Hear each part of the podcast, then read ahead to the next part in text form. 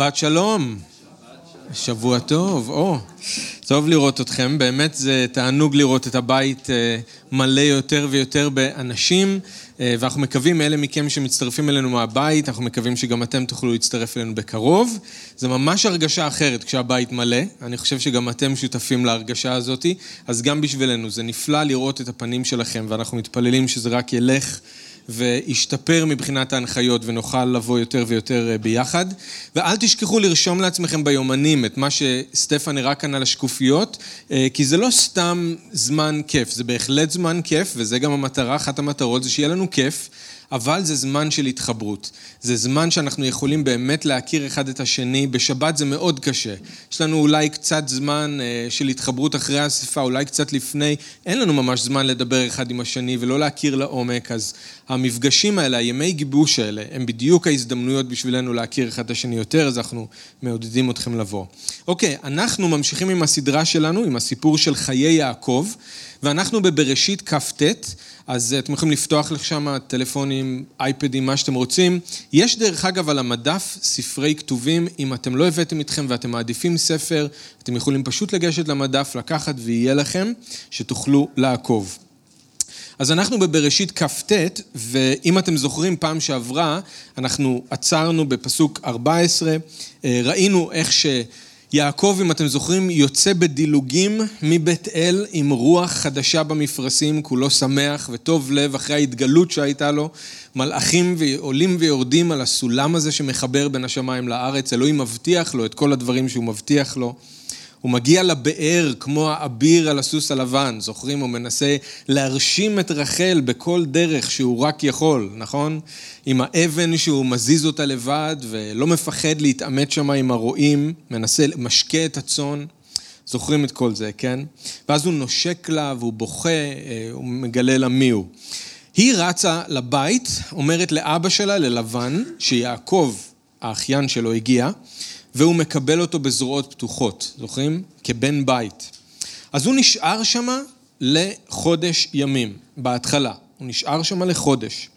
אבל אחרי חודש, כנראה שיעקב הבין ששום משלחת לא תבוא לקחת אותו משם חזרה הביתה, כמו שאימא שלו הבטיחה לו שיקרה. אנחנו לא יודעים למה, דרך אגב, אחת התיאוריות זה שאולי, אני חושב שאולי היא מתה.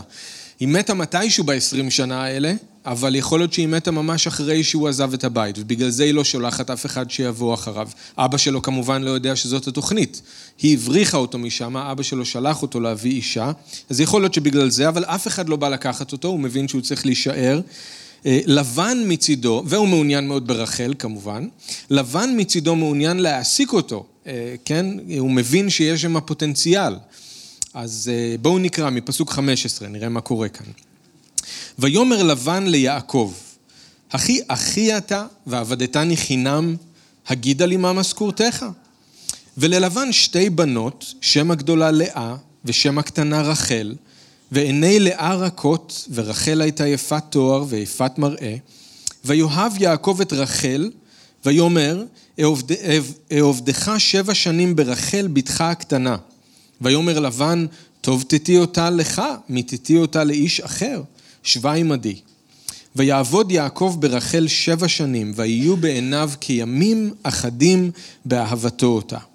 ויאמר יעקב אל לבן, הבה, לי, הבה את אשתי, כי מלאו ימיי, ואבוא אליה. ויאסוף לבן את כל אנשי המקום, ויעש משתה, ויהי בערב, ויקח את לאה ביתו, ויבא אותה אליו, ויבוא אליה. ויתן לבן לה את זלפה שפחתו ללאה, את שפחתו ללאה בתו שפחה, ויהי בבוקר, והנה היא לאה. ויאמר אל לבן, מה זאת עשית לי? הלא ברחל עבדתי עמך, למה רימיתני? ויאמר לבן, לא יעשה כן במקומנו לתת הצעירה לפני הבחירה? מלא שבועה זאת, וניתנה לך גם את זאת בעבודה אשר תעבוד עמדי עוד שבע שנים אחרות. ויעש יעקב כן, וימלא שבוע זאת, ויתן לו את רחל בתו לו לאישה.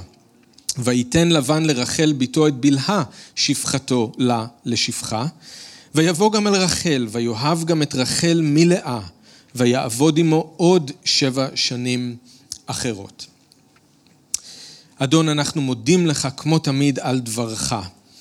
יש בו את כל מה שאנחנו צריכים כדי להשתנות להיות יותר כמוך, כדי ללמוד איך העולם הזה עובד, כדי להסתכל יותר בכנות על עצמנו, כדי להכיר אותך יותר טוב. הדבר שלך הוא תמיד נר לרגלינו ואור לנתיבתנו.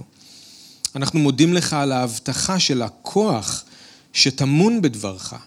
כתוב שתורת אדוני היא תמימה והיא משיבת נפש, ושפיקודי אדוני ישרים ושהם משמחי לב, ושעדות אדוני ישרה והיא מאירת עיניים, ומצוות אדוני ברא.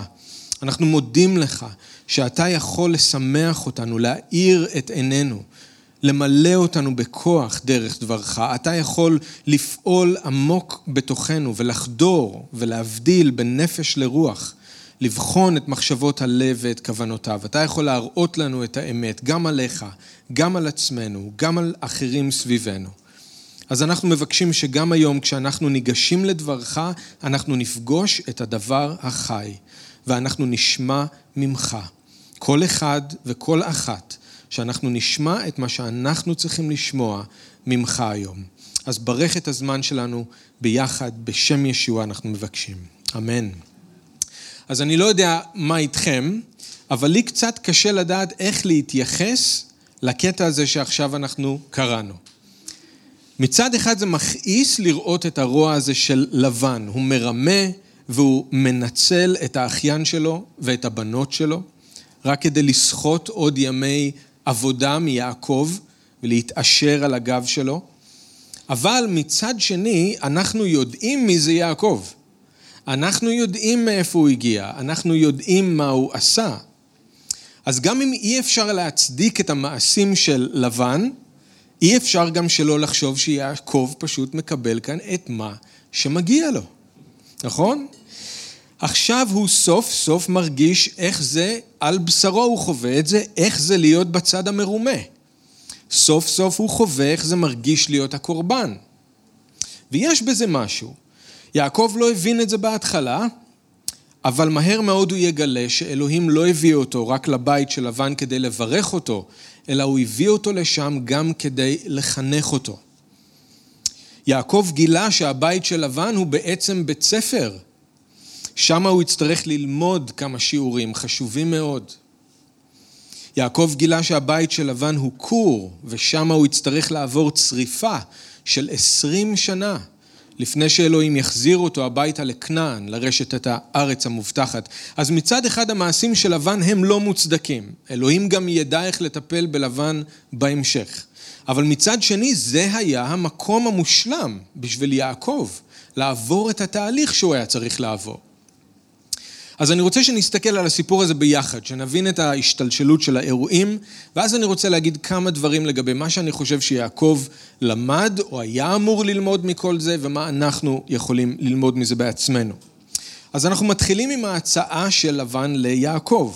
לא להמשיך לגור שם סתם כמו אורח, אלא להתחיל לעבוד בשבילו, תמורת משכורת. עכשיו, כנראה שבמהלך החודש הראשון יעקב לא ישב רגל על רגל, הוא עבד קשה, והוא לא ביקש שום דבר בתמורה.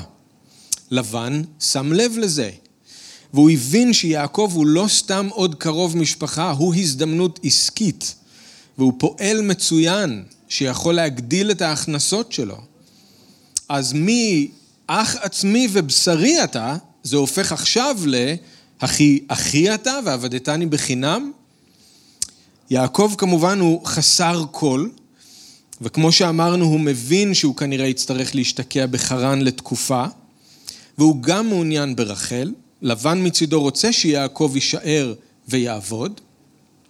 אז מבחינת יעקב ההצעה הזאת של לבן היא הזדמנות מצוינת. עכשיו תשימו לב שאנחנו מתחילים לראות כאן צד אחר של יעקב, שעד עכשיו לא ראינו. דווקא עכשיו נראה שיש בו משהו נאיבי. יש בו משהו לא כל כך מתוחכם, אולי אפילו קצת פטי, קצת תמים. ובמקביל אנחנו גם מתחילים להכיר כמובן את לבן יותר טוב, ואנחנו נראה שזה בדיוק ההפך. הוא ערמומי מאוד ומתוחכם. אז לבן אומר לו, אחי אחי אתה ועבדתני בחינם, אגידה לי נא מה משכורתך. אז הוא נותן ליעקב את הרשות לנקוב במחיר ראשון, אבל מן הסתם הוא יודע שבטח הם התמקחו על המחיר, שצריך להיות משא ומתן, והם צריכים להגיע לאיזשהו הסכם. לבן הוא איש עסקים, ממולח, מנוסה, הוא לא מפחד ממשא ומתן, הוא יודע איך לסגור עסקה. בגדול, אם הקונה מתחיל, אז הוא אמור להציע מחיר יחסית נמוך. ואז המוכר אמור להציע מחיר יחסית גבוה, ואז הם מתמקחים עד שהם מגיעים לאיזשהו משהו באמצע, ששני הצדדים מרוצים מזה, פחות או יותר, הקונה לא מרגיש שהוא שילם יותר מדי, והמוכר לא מרגיש שהוא הרוויח פחות מדי. ככה זה עובד, או ככה זה לפחות אמור לעבוד. אבל מסתבר שיעקב לא מתוחכם כמו לבן. והוא כנראה נתן למצב הנואש שלו, לכל ההתרגשות שלו סביב רחל, האהבה שלו אליה, להשפיע עליו ולהתגבר על החוש העסקי שלו. עובדך שבע שנים ברחל בתך הקטנה. שתי טעויות קריטיות שאף פעם לא עושים במשא ומתן כשאתה הקונה.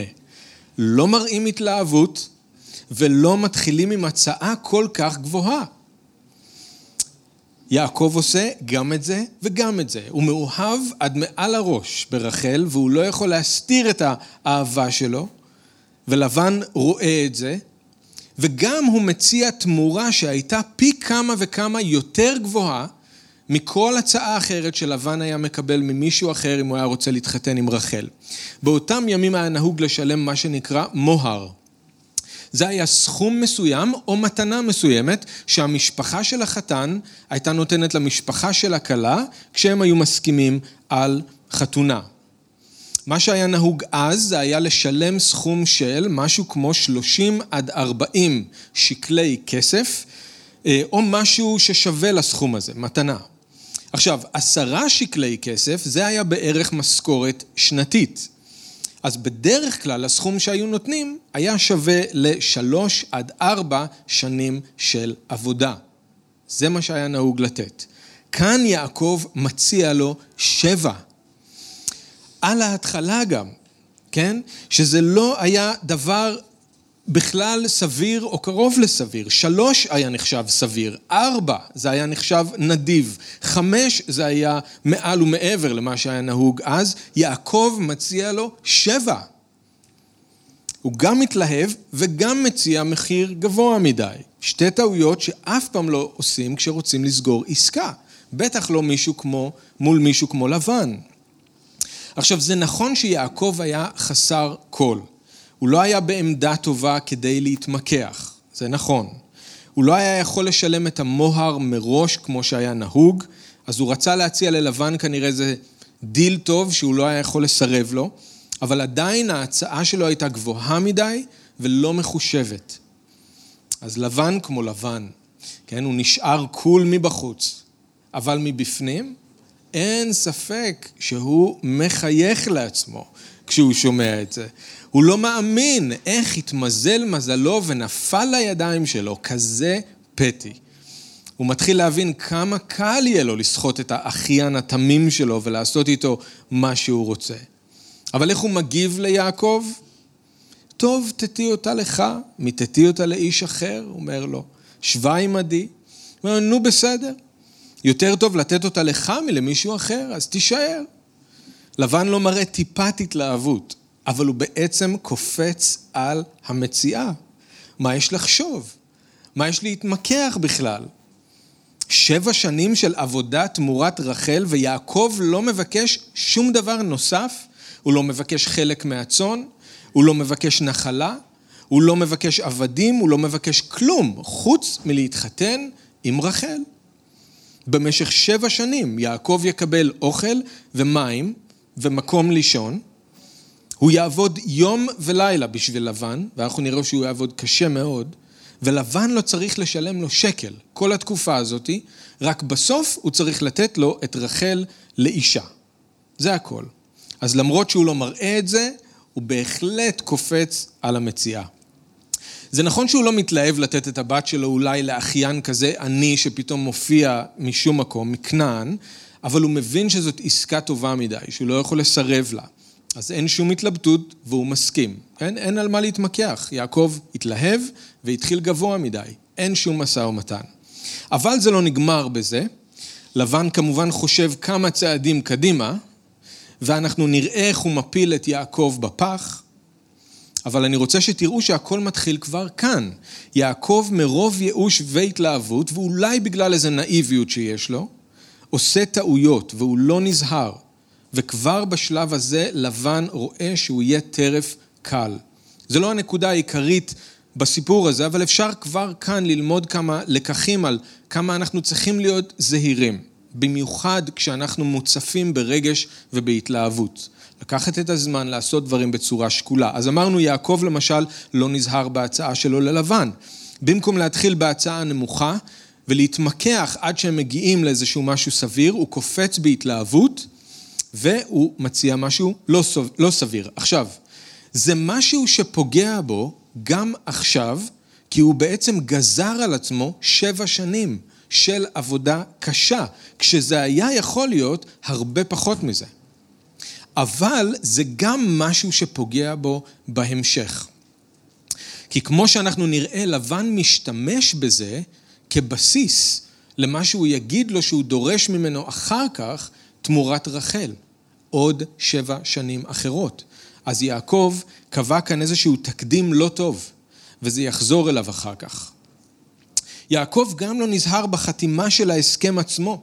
תראו שלבן בעצם לא מתחייב לכלום, נכון? הוא לא נותן ליעקב את המילה שלו, הם לא לוחצים ידיים, הוא לא אומר לו שהוא מסכים למה שיעקב מציע, הוא לא מתחייב שזה מה שהוא יעשה, הוא פשוט אומר באופן כללי, יותר טוב לי לתת אותה לך מלמישהו אחר. זה הכל.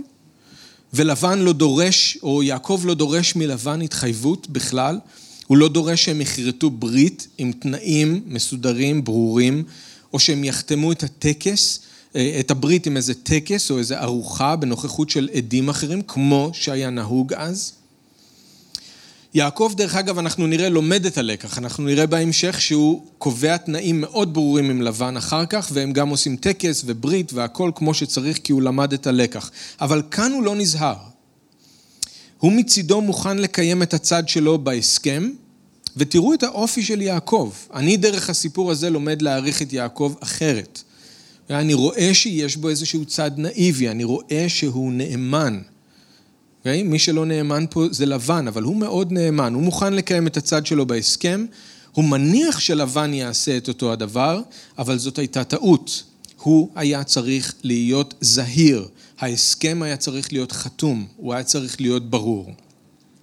עכשיו, כל זה מוביל לתרמית של לבן. יעקב עובד שבע שנים תמורת רחל, כמו שהם סיכמו, ותראו איזה יופי, כן, שכתוב ויעבוד יעקב, יעקב ברחל שבע שנים, ויהיו בעיניו כימים אחדים באהבתו אותה. גם החיזור של יעקב אחרי רחל, גם המוכנות שלו לחכות לה ולעבוד בשבילה, כל כך קשה וכל כך הרבה זמן. והוא אומר, זה עבר לו כמו כלום, כמו כמה ימים, כי הוא כל כך אהב אותה. אין לנו הרבה מקרים כאלה, כן? יעקב הוא ממש רומנטיקן, אין מה להגיד. אבל במובן הזה יעקב באמת עושה את כל מה שהוא יכול לעשות כדי לקחת אישה בכבוד, כמו שכתוב. ממש מההתחלה בבאר ועד עכשיו הוא לא נוגע בה, הוא מכבד אותה, עובד קשה בשבילה, הוא אוהב אותה. וזה כל כך יפה.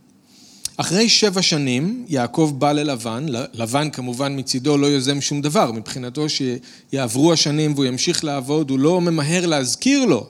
היי, hey, קבענו הסכם, הגיע הזמן שתיקח את הבת שלי, זה בכלל לא מעניין אותו. אבל יעקב, בטח הייתה לו טבלת ייאוש, הוא לא יכל לחכות ליום של החתונה, וברגע שהיום הזה הגיע, אחרי שבע שנים של עבודה קשה, יעקב דורש מלבן שיקיים את מה שהם הסכימו עליו, וייתן לו את רחל לאישה. הבה את אשתי כי מלאו ימיי ואבוא אליה. שום תגובה מצד לבן, הוא לא אומר כלום.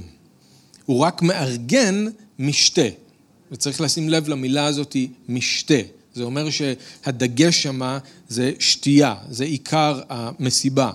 הוא מזמין לשם את כל אנשי המקום, ואז כשכולם עייפים, כולם שטויים בערב, כשהגיע הרגע לתת את רחל ליעקב לאישה, בלילה הראשון שלהם ביחד כזוג נשוי, לבן בערמומיות ובאכזריות, מחליף בין שתי הבנות, והוא נותן ליעקב את לאה הבכורה במקום את רחל הצעירה. ויהי בבוקר, והנה היא לאה, והנה היא לאה. יעקב נפל בפח, כי הוא לא נזהר. הוא לא נזהר כשהוא הציע לעבוד תמורת רחל שבע שנים, הוא לא נזהר בחתימה של ההסכם עם לבן, וכאן הוא לא נזהר במימוש של ההסכם בלילה של החתונה, ולכן לבן יכל לשתות בו. איך זה יכול להיות שיעקב לא ידע שזאת לאה, והוא חשב שזאת רחל? לא כתוב לנו במפורש, זה נכון, אבל סביר להניח שזה היה שילוב של כמה דברים. הנוהג היה שבלילה הראשון האישה הייתה מובאת אל הבעל כשיש לה רעלה, הפנים מכוסים, אז לא רואים את הפנים. בנוסף לזה, בסוף היום, אחרי משתה ארוך, אנחנו מניחים שהשתייה עשתה את שלה, ויעקב לא בדיוק היה מפוקח, ובנוסף זה היה לילה והיה חושך. איך שלא יהיה, יעקב איכשהו הצליח להערים עליו ולהחליף את רחל בלאה. בבוקר יעקב מזדעזע כן? כשהוא מגלה מה קרה, הוא אומר ללבן, מה זאת עשית לי? הלא ברחל עבדתי עמך, למה רימיתני? ותראו מה לבן אומר לו. אה, לא ידעת? אז חשבתי שאתה יודע, זה פשוט לא מה שאנחנו עושים כאן. זה לא הנוהג במקום הזה.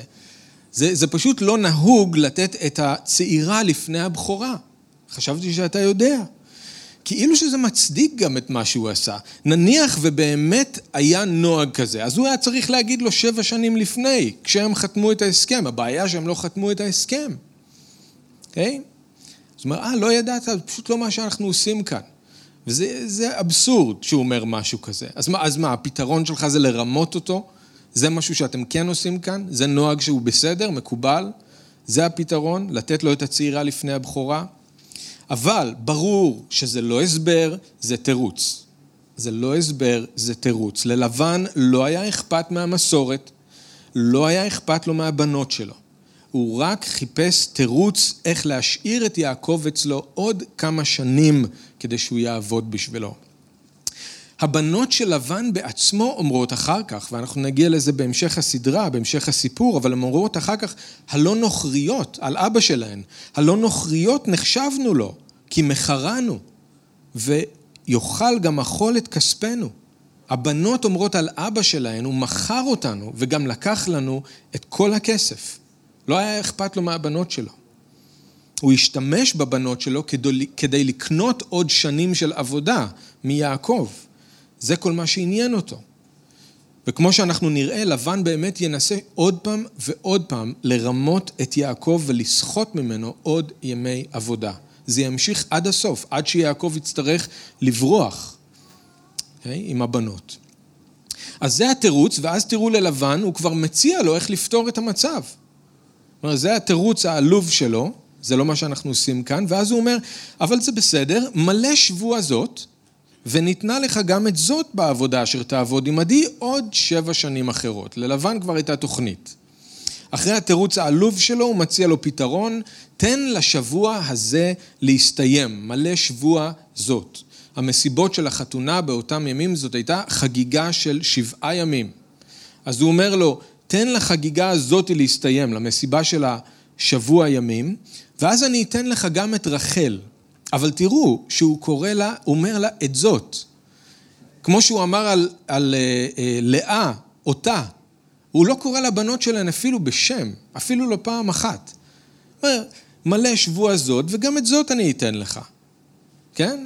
אותה, זאת, כך הוא מדבר על הבנות שלו, והוא אומר לו, אתה תישאר לעבוד בשבילי עוד שבע שנים. איזה דבר נורא זה, שלבן מכריח את הבת שלו להעמיד פנים שהיא אחותה. ואני יודע שזה מצלצל לנו מוכר מאיפשהו, ואנחנו תכף נגיד משהו על זה, אבל הוא מכריח את הבת שלו להעמיד פנים שהיא אחותה, ולהתחתן במרמה עם גבר שהיא יודעת שבעצם לא אוהב אותה, אלא אוהב את אחותה, ועכשיו הוא מכריח את יעקב להמשיך בחגיגות, למראית עין, כן, אנחנו לא נשבור פה את המסורת ונעצור את החגיגה הזאת באמצע, בוא נמשיך עם החגיגות של הנישואים שלך ללאה, כשזאת מעולם לא הייתה מישהו רצה להתחתן איתה, וכשכל הזמן הזה רחל נמצאת שמה איתו, איתם. אתם יכולים לדמיין לעצמכם איזה מצב נורא זה. ואז אחרי שהשבוע הזה מסתיים, הוא באמת נותן ליעקב את רחל, בלי משתה ובלי חגיגות, כן? אבל הוא נותן לו את רחל, ויעקב נשאר לעבוד שם עוד שבע שנים. אז יעקב מתחתן בעל כורחו, באותו שבוע, עם שתי נשים שהן אחיות, שאחר כך בתורה, בויקרא י"ח, זה משהו שהוא אסור לפי התורה. אבל הוא מתחתן עם שתי נשים שהן אחיות, ובנוסף כל אישה מקבלת שפחה במתנה. לאה מקבלת את זלפה ורחל מקבלת את בלהה. אז בעצם תוך שבוע יעקב מוצא את עצמו עם ארבע נשים, כשהתוכנית שלו פשוט הייתה להתחתן עם רחל ולהקים איתה בית. מאוד מאוד עצוב לכולם, עצוב ליעקב, לבנות של לבן, גם לזלפה ולבלהה. וזלפה ובלהה, דרך אגב, לא סתם מוזכרות כאן, זה משהו שהופך להיות מאוד משמעותי, ואנחנו נראה את זה בשבוע הבא. ותוסיפו לזה את מה שנאמר בפסוק 30 בסוף, גם רומז למה שעוד יבוא, יעקב אהב את רחל מלאה. הוא אהב את רחל מלאה, אישה אחת אהובה, השנייה שנואה, גם את זה אנחנו נצטרך לראות לאן כל זה מוביל. אז זה הסיפור. אוקיי? זה הסיפור שלנו. מצד אחד הברכה של אלוהים מתחילה לקרום עור וגידים, הנה יעקב מתחתן, מצד שני יעקב נופל בפח של לבן ומביא על עצמו ועל המשפחה שלו סבל שיימשך עוד שנים. אז אלוהים מביא את יעקב למקום שהוא גם יברך אותו, אבל הוא גם יחנך אותו. הבית של לבן הוא גם בית ספר. הכור הזה שבו יעקב יצרף במשך, עשרים שנה. אוקיי, אז מה יעקב לומד שם בבית ספר של לבן? איך זה נראה בכור הזה כשהאש צורפת את יעקב כל יום? מה אנחנו יכולים ללמוד מהסיפור הזה? אז אני חושב שאצל לבן יעקב לומד שלושה דברים חשובים, ואלה שלושה דברים שחשוב מאוד שאנחנו נזכור. דבר ראשון, ותשימו לב כי פה זה מתחבר אלינו. דבר ראשון, אצל לבן יעקב לומד שאלוהים מוכיח ומייסר את אלה שהוא אוהב. אלוהים מוכיח ומייסר את אלה שהוא אוהב. תחשבו על זה שיעקב הוא בן ההבטחה. הוא האחד הנבחר שדרכו הרי אלוהים יקים את ברית אברהם ויברך את כל משפחות האדמה. הוא נולד למשפחת אברהם ויצחק. הוא נושא בבשר שלו את האות של ברית המילה. הוא לא זר לעדת ישראל ונוכרי לבריתות ההבטחה, מחוסר תקווה וללא אלוהים בעולם. הוא מבורך על ידי אלוהים. הוא יצא מבית אל חמוש בהבטחות של אלוהים, הבטחות גדולות מאוד ויקרות. בבית אל הוא ראה בעצמו מלאכים עולים ויורדים על הסולם הזה שמחבר בין שמיים לארץ. הוא שמע את אלוהים אומר לו, בעצמו, שהוא ישמור עליו בכל אשר הוא ילך, והוא ישיב אותו אל האדמה הזאת, והוא לא יעזוב אותו עד שהוא יגשים את כל מה שהוא נשבע לעשות בו ודרכו. ובכל זאת, אלוהים לא חסך את השבט שלו מיעקב.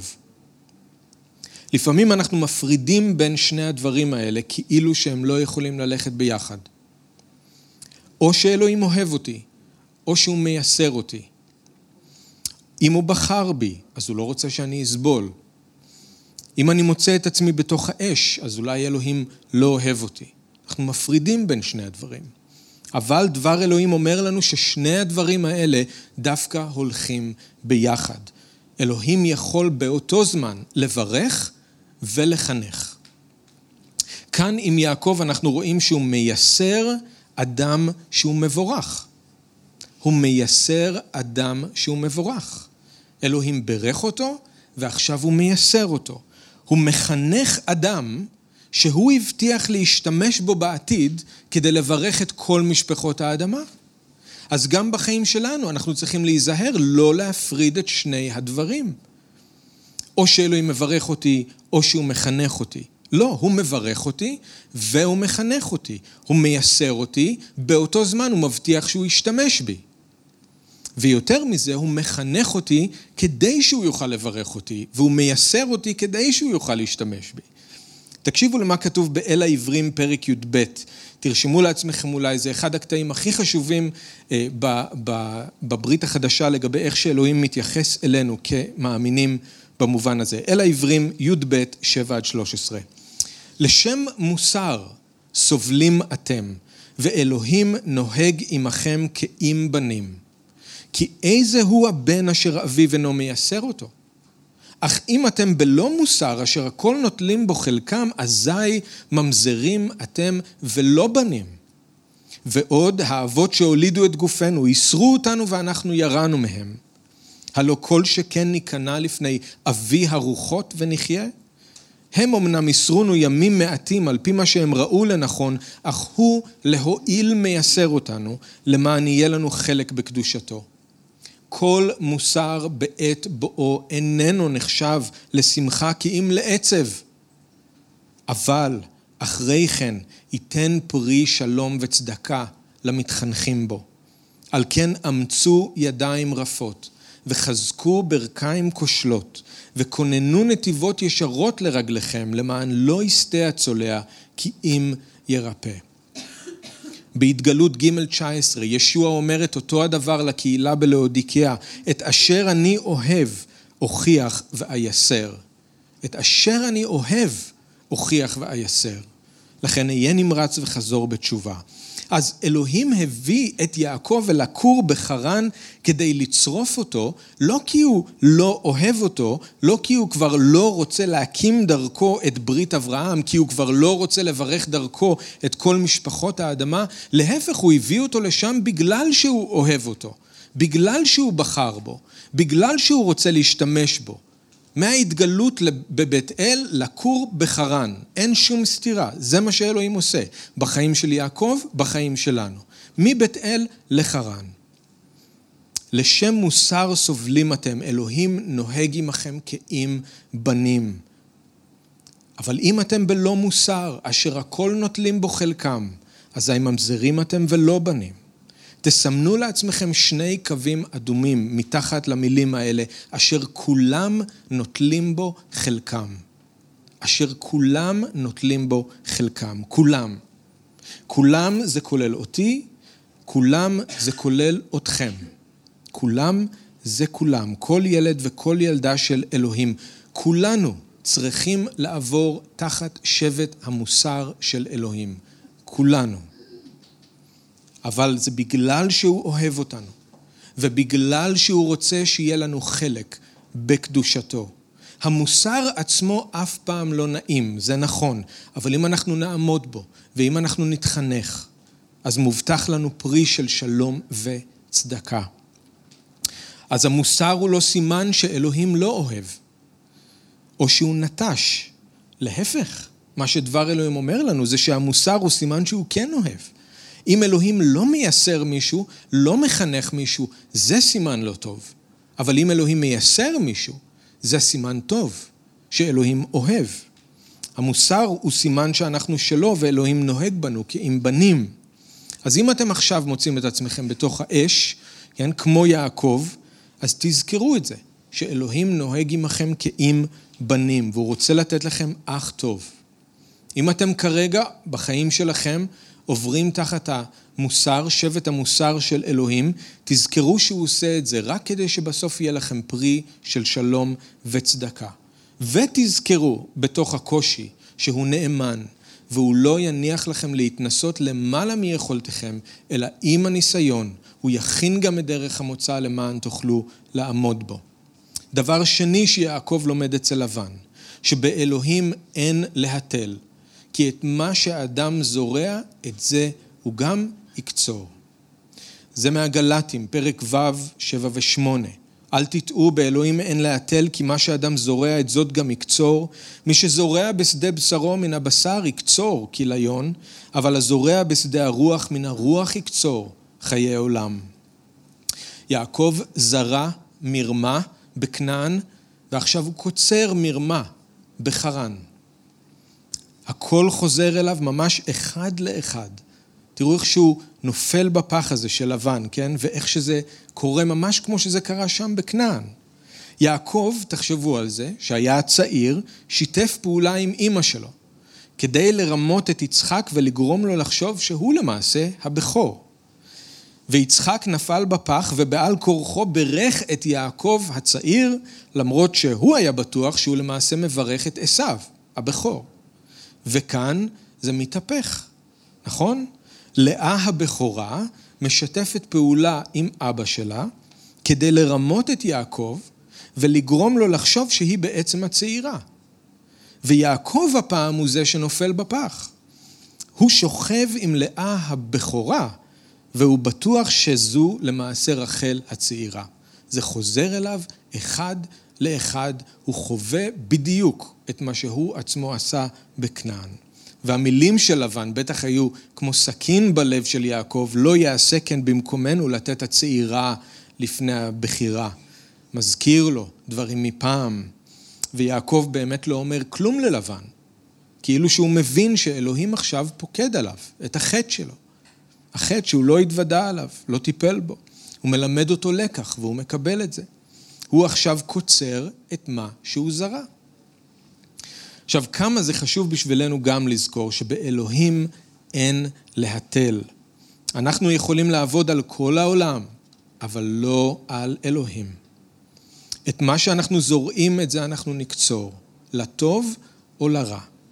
עכשיו, זה לא אומר שאנחנו תמיד נעבור בדיוק את מה שיעקב עובר, ואנחנו נקצור את מה שזרענו ממש אחד לאחד כמו כאן, אבל באופן כללי, אנחנו לא יכולים לזרוע דבר אחד ולצפות לקצור דבר אחר.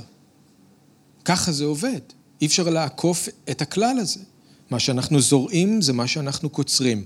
אני רוצה שאתם גם תראו שמשנה מקום לא משנה מזל, נכון? יעקב מתרחק ממקום הפשע, אבל הוא לא יכול לברוח מהתוצאות של החטא. תראו שיעקב עבר את התיקון שלו לא עם האנשים שבהם הוא פגע, ולא במקום שבו הוא ביצע את החטא, הוא עבר את התיקון שלו רחוק מאוד משם, עם אנשים שהוא מעולם לא פגש. עכשיו, למה אני אומר את זה? כי לפעמים אנחנו, כשאנחנו מוצאים את עצמנו בתוך האש הצורפת, ונורא נורא קשה לנו, אנחנו בבית ספר של לבן, בחיים שלנו, אז אנחנו חושבים שאם אנחנו אולי נעזוב למקום אחר ולאנשים אחרים, אז אולי יהיה יותר קל. אם אנחנו נעזוב את הקושי, נלך למקום אחר. אבל אין לאן לברוח כשמדובר באלוהים. אין. אם הוא זה שמחנך ומייסר אותנו, אז הוא ימצא אותנו בכל מקום ובכל זמן. מקום חדש ואנשים שמעולם לא פגשנו, פתאום יהפכו להיות הכלים בידיים של אלוהים כדי לייסר אותנו, כדי לחנך אותנו. אז במקום לנסות ולברוח, כן? כי אי אפשר, גם ככה, אז עדיף להישאר. להיכנע לאבי הרוחות, לתת לו לייסר אותנו באהבה, בדיוק איפה שאנחנו נמצאים, ולעבור את השיעור שאנחנו צריכים לעבור איפה שאנחנו. לא לחשוב שאם אתם עוברים מקום ומתנתקים מהאנשים שבהם פגעתם, שהם פגעו בכם, שקרה כל מה שקרה, אתם יכולים איכשהו להתחמק מהשיעור שאתם צריכים לעבור. אתם לא יכולים. הוא עובר את השיעור שלו כאן בחרן על משהו שהוא עשה בכנען. כי זה אלוהים בשליטה, אלוהים מייסר, אלוהים מחנך. לא לברוח, להיכנע לאבי הרוחות. דבר שלישי ואחרון, יעקב לומד אצל לבן. הוא לומד להסתכל על עצמו במראה. וזה נכון שלבן היה איש רע, זה נכון שהוא היה נוכל, הוא היה חמדן, הוא בטח שלא היה אבא טוב, אלוהים גם ידע אחר כך איך לטפל בלבן כמו שצריך, אבל ללבן היה גם תפקיד אחר, חשוב. לבן היה המראה שאלוהים שם מול הפנים של יעקב. ואולי מה שמתחיל כאן בסיפור הזה מאפיין את התהליך הזה שיעקב צריך לעבור כל החיים שלו. יעקב צריך ללמוד להסתכל על עצמו במראה. זה מה שקורה כאן עם לבן, זה מה שיקרה גם במעבר יבוק, כשהוא אה, ייאבק עם האיש, והאיש ישאל אותו, מי אתה? איך קוראים לך? וזה לא כי הוא לא יודע, אלא כי יעקב צריך ללמוד להסתכל על עצמו במראה. הרעיון הוא שבתוך הקושי אני לומד לראות את עצמי כמו שאני באמת. האש צורפת אותי וגורמת לכל המתכות הזולות לצוף למעלה, לעלות למעלה. זה לא נעים, אבל זה קורה כדי שאני אוכל להשתנות. זה כל הדברים שבי שצריכים להשתנות. זה מה שהאש עושה. זה לא כדי להתעלל בי, זה כדי שאני אראה את זה ואחזור בתשובה ואשתנה. רק כשאני רואה את עצמי כמו שאני באמת, רק אז, גם את הטוב וגם את הרע, רק אז אני יכול באמת להשתנות. והבעיה היא שאנחנו לא רוצים שישימו לנו מראה מול הפנים. אנחנו לא אוהבים לראות את מי שאנחנו באמת. יותר נוח לנו לחיות עם הרעיון של מי שאנחנו חושבים שאנחנו, אבל לא עם מי שאנחנו באמת. אז אלוהים שם לנו מראה מול הפנים. ואז אנחנו רבים, ואנחנו מתווכחים, אנחנו מתלוננים, עושים הכל כדי שהוא יפסיק להכריח אותנו להסתכל במראה. אבל הוא ממשיך, מתוך אהבה, והוא לא מוותר לנו. איך אלוהים שם לנו מראה מול הפנים, אז הרבה פעמים זה דרך אנשים שהוא שם בחיים שלנו. הם המראה שלנו. זה מה שהוא עושה כאן עם לבן. הוא רצה שיעקב יסתכל על לבן ויראה את עצמו, ויבין איך זה מרגיש לחיות עם יעקב. הוא הראה ליעקב את החטא שלו דרך החטא של לבן. אז כשמאוד קשה לנו עם איך שאנשים מסוימים מתנהגים סביבנו, אולי זה יהיה רעיון טוב לעצור ולבדוק את עצמנו. אולי הדברים האלה שכל כך קשה לנו איתם באנשים אחרים, נמצאים גם בנו. אולי אלוהים הביא את האנשים האלה אל תוך החיים שלנו, כי הוא מנסה להראות לנו את עצמנו. זה יכול להיות גם עם מישהו שהוא בדיוק ההפך מאיתנו. זה למשל מה שקורה עם דוד. אני חושב שאוריה היה המראה של דוד. לא כמו כאן עם לבן, אבל זה בדיוק אותו עיקרון, כי כאן עם לבן יעקב מסתכל ורואה את עצמו בדיוק, אחד לאחד. הוא לומד על הבשר שלו, איך זה מרגיש כשיש לך יעקב בחיים. אבל עם דוד ואוריה זה אחרת, בגלל שהוא בדיוק ההפך מדוד, נכון? אז במקרה הזה, על ידי ההפך, אלוהים מנסה להראות לדוד את עצמו. אתה בוגד בו והוא נאמן לך. אתה נכנע לתאווה שלך, הוא שולט בתאווה שלו. אתה משקר והוא דובר אמת. דוד למרבה הצער מסרב להסתכל במראה. נתן צריך לבוא, אתם זוכרים, ולשים שוב מולו עוד מראה ולספר לו את המשל על כבשת הרש. גם אז דוד מסרב להסתכל במראה ונתן צריך להגיד לו, אתה האיש.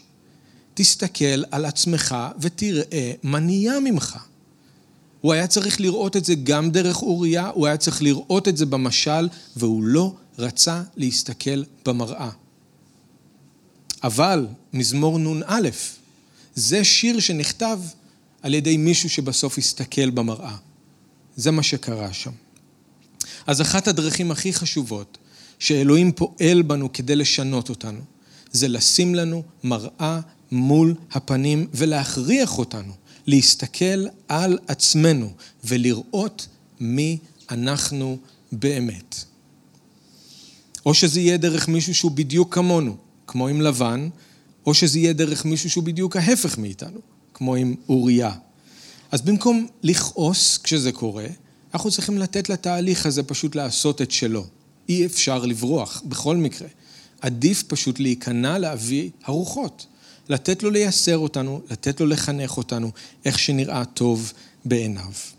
אז ככה מתחיל הזמן של יעקב, ה-20 שנה האלה שהוא יבלה עם אה, לבן. שבע שנים עברו, עכשיו הוא עובד עוד שבע שנים, ואנחנו נראה מה קורה בהמשך בשבוע הבא. אבל לא לשכוח שלושה שיעורים חשובים, מה שראינו ממה שיעקב עובר אצל לבן, כי זה קורה גם בחיים שלנו. אלוהים לא השתנה והוא פועל בנו כמו שהוא פעל בחיים שלו. אז בואו נתפלל. אבא יקר, אנחנו מודים לך על הדבר שלך, שהדבר שלך בעצמו הוא כמו מראה, ואנחנו מסתכלים אל דברך ואנחנו רואים את עצמנו, ואנחנו...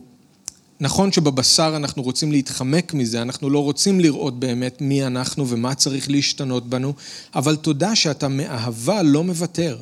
ואתה ממשיך עוד פעם ועוד פעם לשים מולנו את המראה ולהכריח אותנו לראות את הטוב ואת הרע, ואתה גם נותן את החסד כדי לסלוח, כדי לשקם ולרפא וכדי לשנות אותנו.